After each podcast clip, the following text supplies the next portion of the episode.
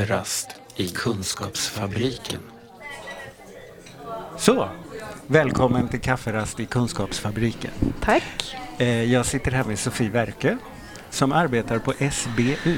Det får du kort förklara vad det är för något. Ja, det står för Statens beredning för medicinsk och social utvärdering. Mm. Och på ett enkelt sätt kan man säga att det vi gör är att vi utvärderar eh, interventioner eller behandlingar, vad som helst som sker inom hälso och sjukvården eller nu inom socialtjänsten. Mm. Eh, så det kan vara allt från en kirurgisk metod, ett läkemedel, en psykologisk behandling, eh, ett diagnostiskt eh, instrument. Det är i alla fall saker som riktar sig till någon enskild. Ja, Eh, ja, Förstås till många enskilda men det är, det är något av det man kan få när man behöver hjälp för någonting. Precis. Ja, och att det sker antingen då inom socialtjänsten eller hälso och sjukvården. Och då har ju jag, vi en podd här som handlar om hur man ser vad som är bra och hur man ser att någonting blir bättre. Mm. Och ni, kan man säga att ert självklara uppdrag är att titta på vad som är bra? Ja, absolut. Ni jobbar ju då, gissar jag, ganska mycket med det här begreppet evidens som är väl diskuterat från Mm. brukarorganisationerna inte minst, eller från patientsidan. Från brukarhåll brukar det väl upplevas att saker som vi utifrån egen erfarenhet tycker funkar Mm. eller är bra är ofta sånt som inte är beforskat. Mm. Och då kan, man inte, då kan man lätt bli lite bortviftad och säga det där finns det ingen evidens för eller det där är si och så. Ja. Hur ser du på, känner du igen det där eller? Jag, jag förstår din fråga Mm, eh, och jag tror att det var väldigt diplomatiskt sagt. Ja, jag är, jag är nog ganska diplomatisk. det är bra. Ja. Men eh, jag förstår vad du menar därför att det är ju faktiskt så att en väldigt vanlig slutsats som SBU drar i våra rapporter det är att vi inte vet. Mm, Och det kan bero på att antingen då att det saknas forskning mm, eller att det finns forskning men den håller för dålig kvalitet så Just den går det. inte att dra slutsatser på. Alternativt att det finns forskning men den forskning som finns visar motstridiga resultat. Ja, Då kan man det. inte heller dra slutsatser. Nej. just det. Och då blir ni de där tråkiga som, som, som varken säger bu eller bä. Ja, vilket vi väldigt ofta blir anklagade för. Mm. Eh, vilket kan kännas tråkigt för att vår uppgift är att ta fram kunskapsläget.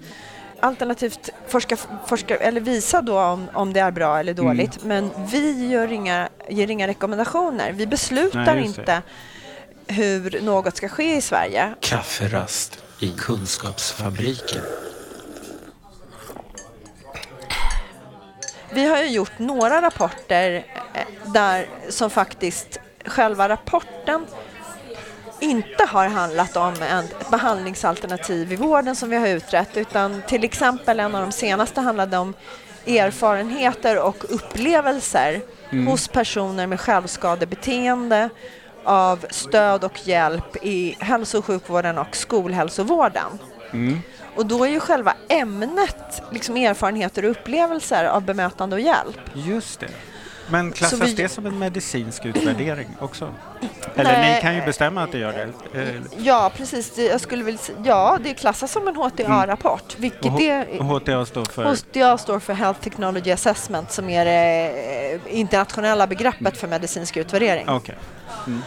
Så det gör det definitivt. Mm. Och ehm, där kan man ju se att den kunskapen som kommer fram där och då har vi ju ändå använt samma metod och kvalitetsgranskat den publicerade forskningen på området. Mm. Den kommer ju fram till slutsatser eh, Ändå? Ändå. Ja, ja eh, som, som eh, mycket väl skulle kunna vara till hjälp inom hälso och sjukvården till exempel och i det här fallet då skol, skolhälsovården. Vad är det för typ av kunskaper som kommer fram då i en sån där, om vi tar det exemplet med självskade... Det som var slående som kom fram där och då hade vi ett antal, ganska många punkter när vi fann vetenskapligt stöd eller inte för påståenden. Men det var ju väldigt mycket att, eh, att det fanns vetenskapligt stöd för att personer med självskadebeteende upplever sig illa bemötta av vården. Mm. De träffar, eh, de kommer i kontakt med personal som varken, de upplevde sig inte lyssnade på. Personalen saknar kompetens både allmänt i psykiatri och även specifikt om just självskadebeteende. De upplever eh, attityd, ja, taskiga attityder. Eh, och väldigt många i de här studierna har vittnat om en vård som snarare är som förvaring, som är ganska innehållslös. Så att först blir man dåligt bemött och lyckas man ta sig in får man egentligen inte särskilt mycket vård? Nej, det har vi, det har vi funnit mm. vetenskapligt stöd för. Blir bättre?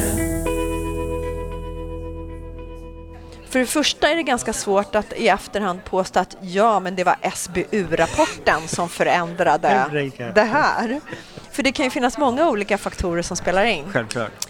Och för det andra så krävs det ju oftast ett antal år. Det är ju det är inte så att vi publicerar en rapport i oktober och i november så förändras Nej, läget. Och eh, när de där ett antal år har gått eh, då håller SBU på för fullt med alla andra projekt. Vi gör ju väldigt ofta praxisundersökningar eh, mm. när vi startar våra projekt. Och då, vad det betyder är att vi, vi skickar oftast ut enkäter och frågar vården hur funkar det här idag? Vad gör ni idag med en sån här patient till exempel? Så vi kan beskriva hur sker det här idag? Mm. Och då skulle man ju hypotetiskt kunna tänka sig att man gör exakt samma undersökning liksom fem, fem år senare. senare. Och ser, har, blir det något annat idag? Ja, ja. Det. det. är egentligen den allra enklaste formen av uppföljning. Ja.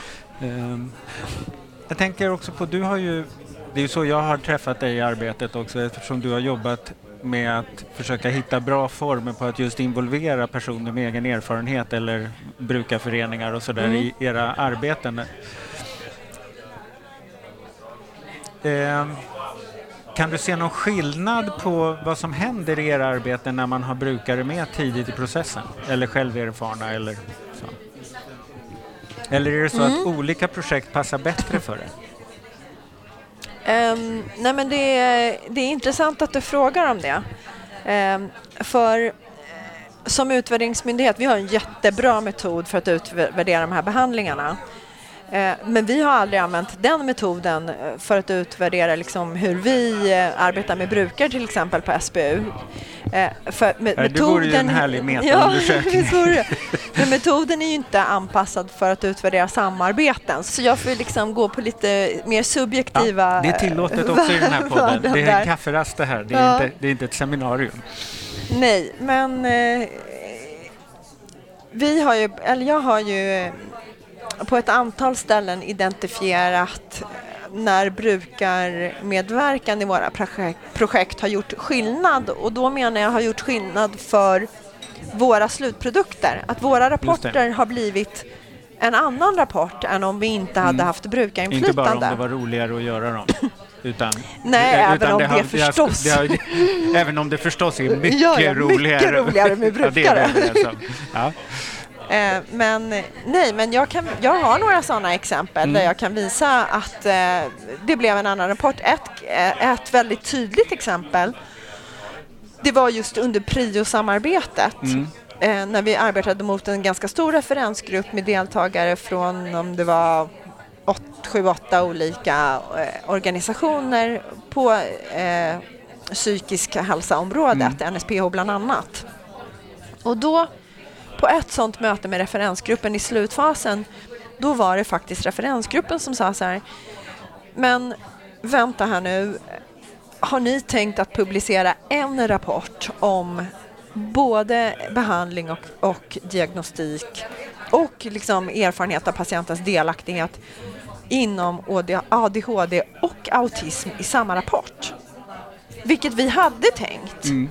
Vi drev ju det som ett projekt och hade planerat det. Och då är det ju en rapport, tänker man. Tänker man, eller hur? Och då säger brukarna, nej det kan vi inte göra.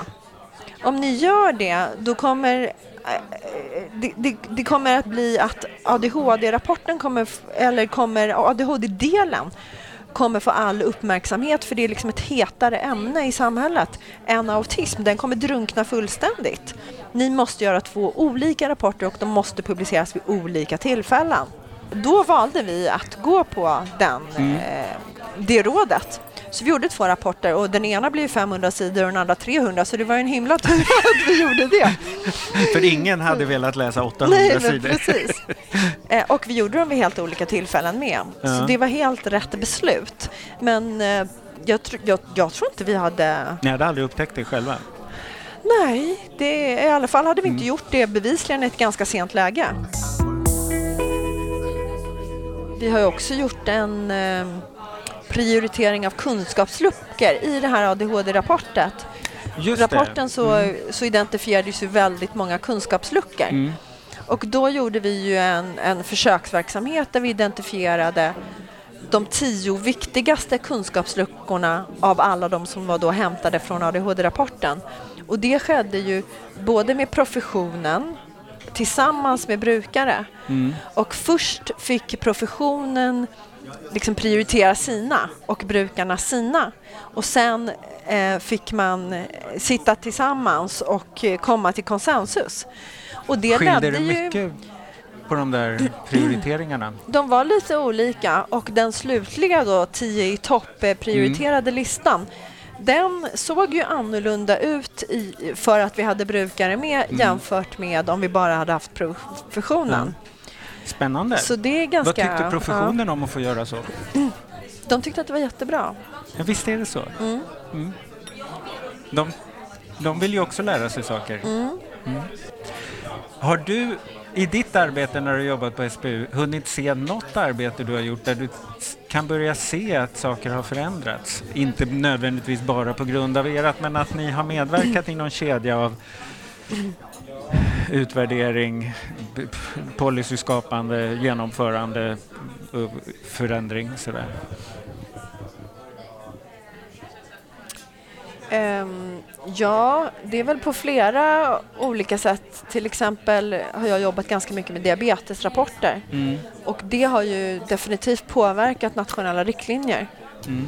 Eh, utan att veta exakt i vilken grad de olika landstingen faktiskt följer de nationella riktlinjerna.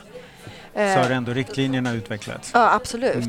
Mm. Och det, det vet jag många andra Mm. projekt som har gått på den linjen. Sen kan jag säga en, en slutsats eh, från, det var patientens delaktighet inom ADHD.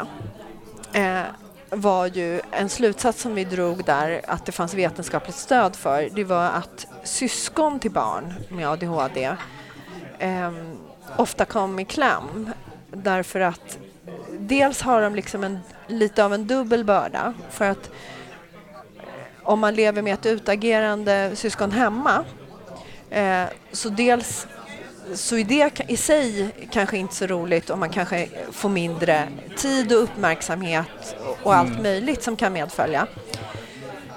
Men dessutom så vill man inte, det blir liksom ett socialt problem för man vill kanske inte ta hem kompisar.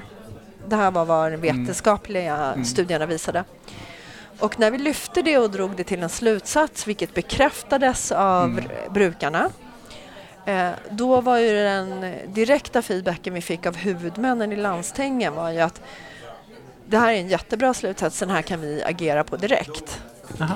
Att vi ska liksom se syskonen i mycket större Och ha utsträckning. strategier för hur man Ja, och att vården ska, precis, att vården ska ställa frågan, Mm. liksom, men hur mår du? Mm. Eh, och hjälpa till där. Där borde det också se kul att kliva in då efter några år och se vad har hänt. Absolut. Det, det, Vad ja, tycker ni syskon? Har det blivit bättre? det vore jättebra. Men eh, då tackar jag. Ja. Roligt att du kom. Tack själv. Vi hörs. Hej! Ja, hej. Den här podden görs av NSPH, Nationell samverkan för psykisk hälsa. Läs mer på vår hemsida www.nsph.se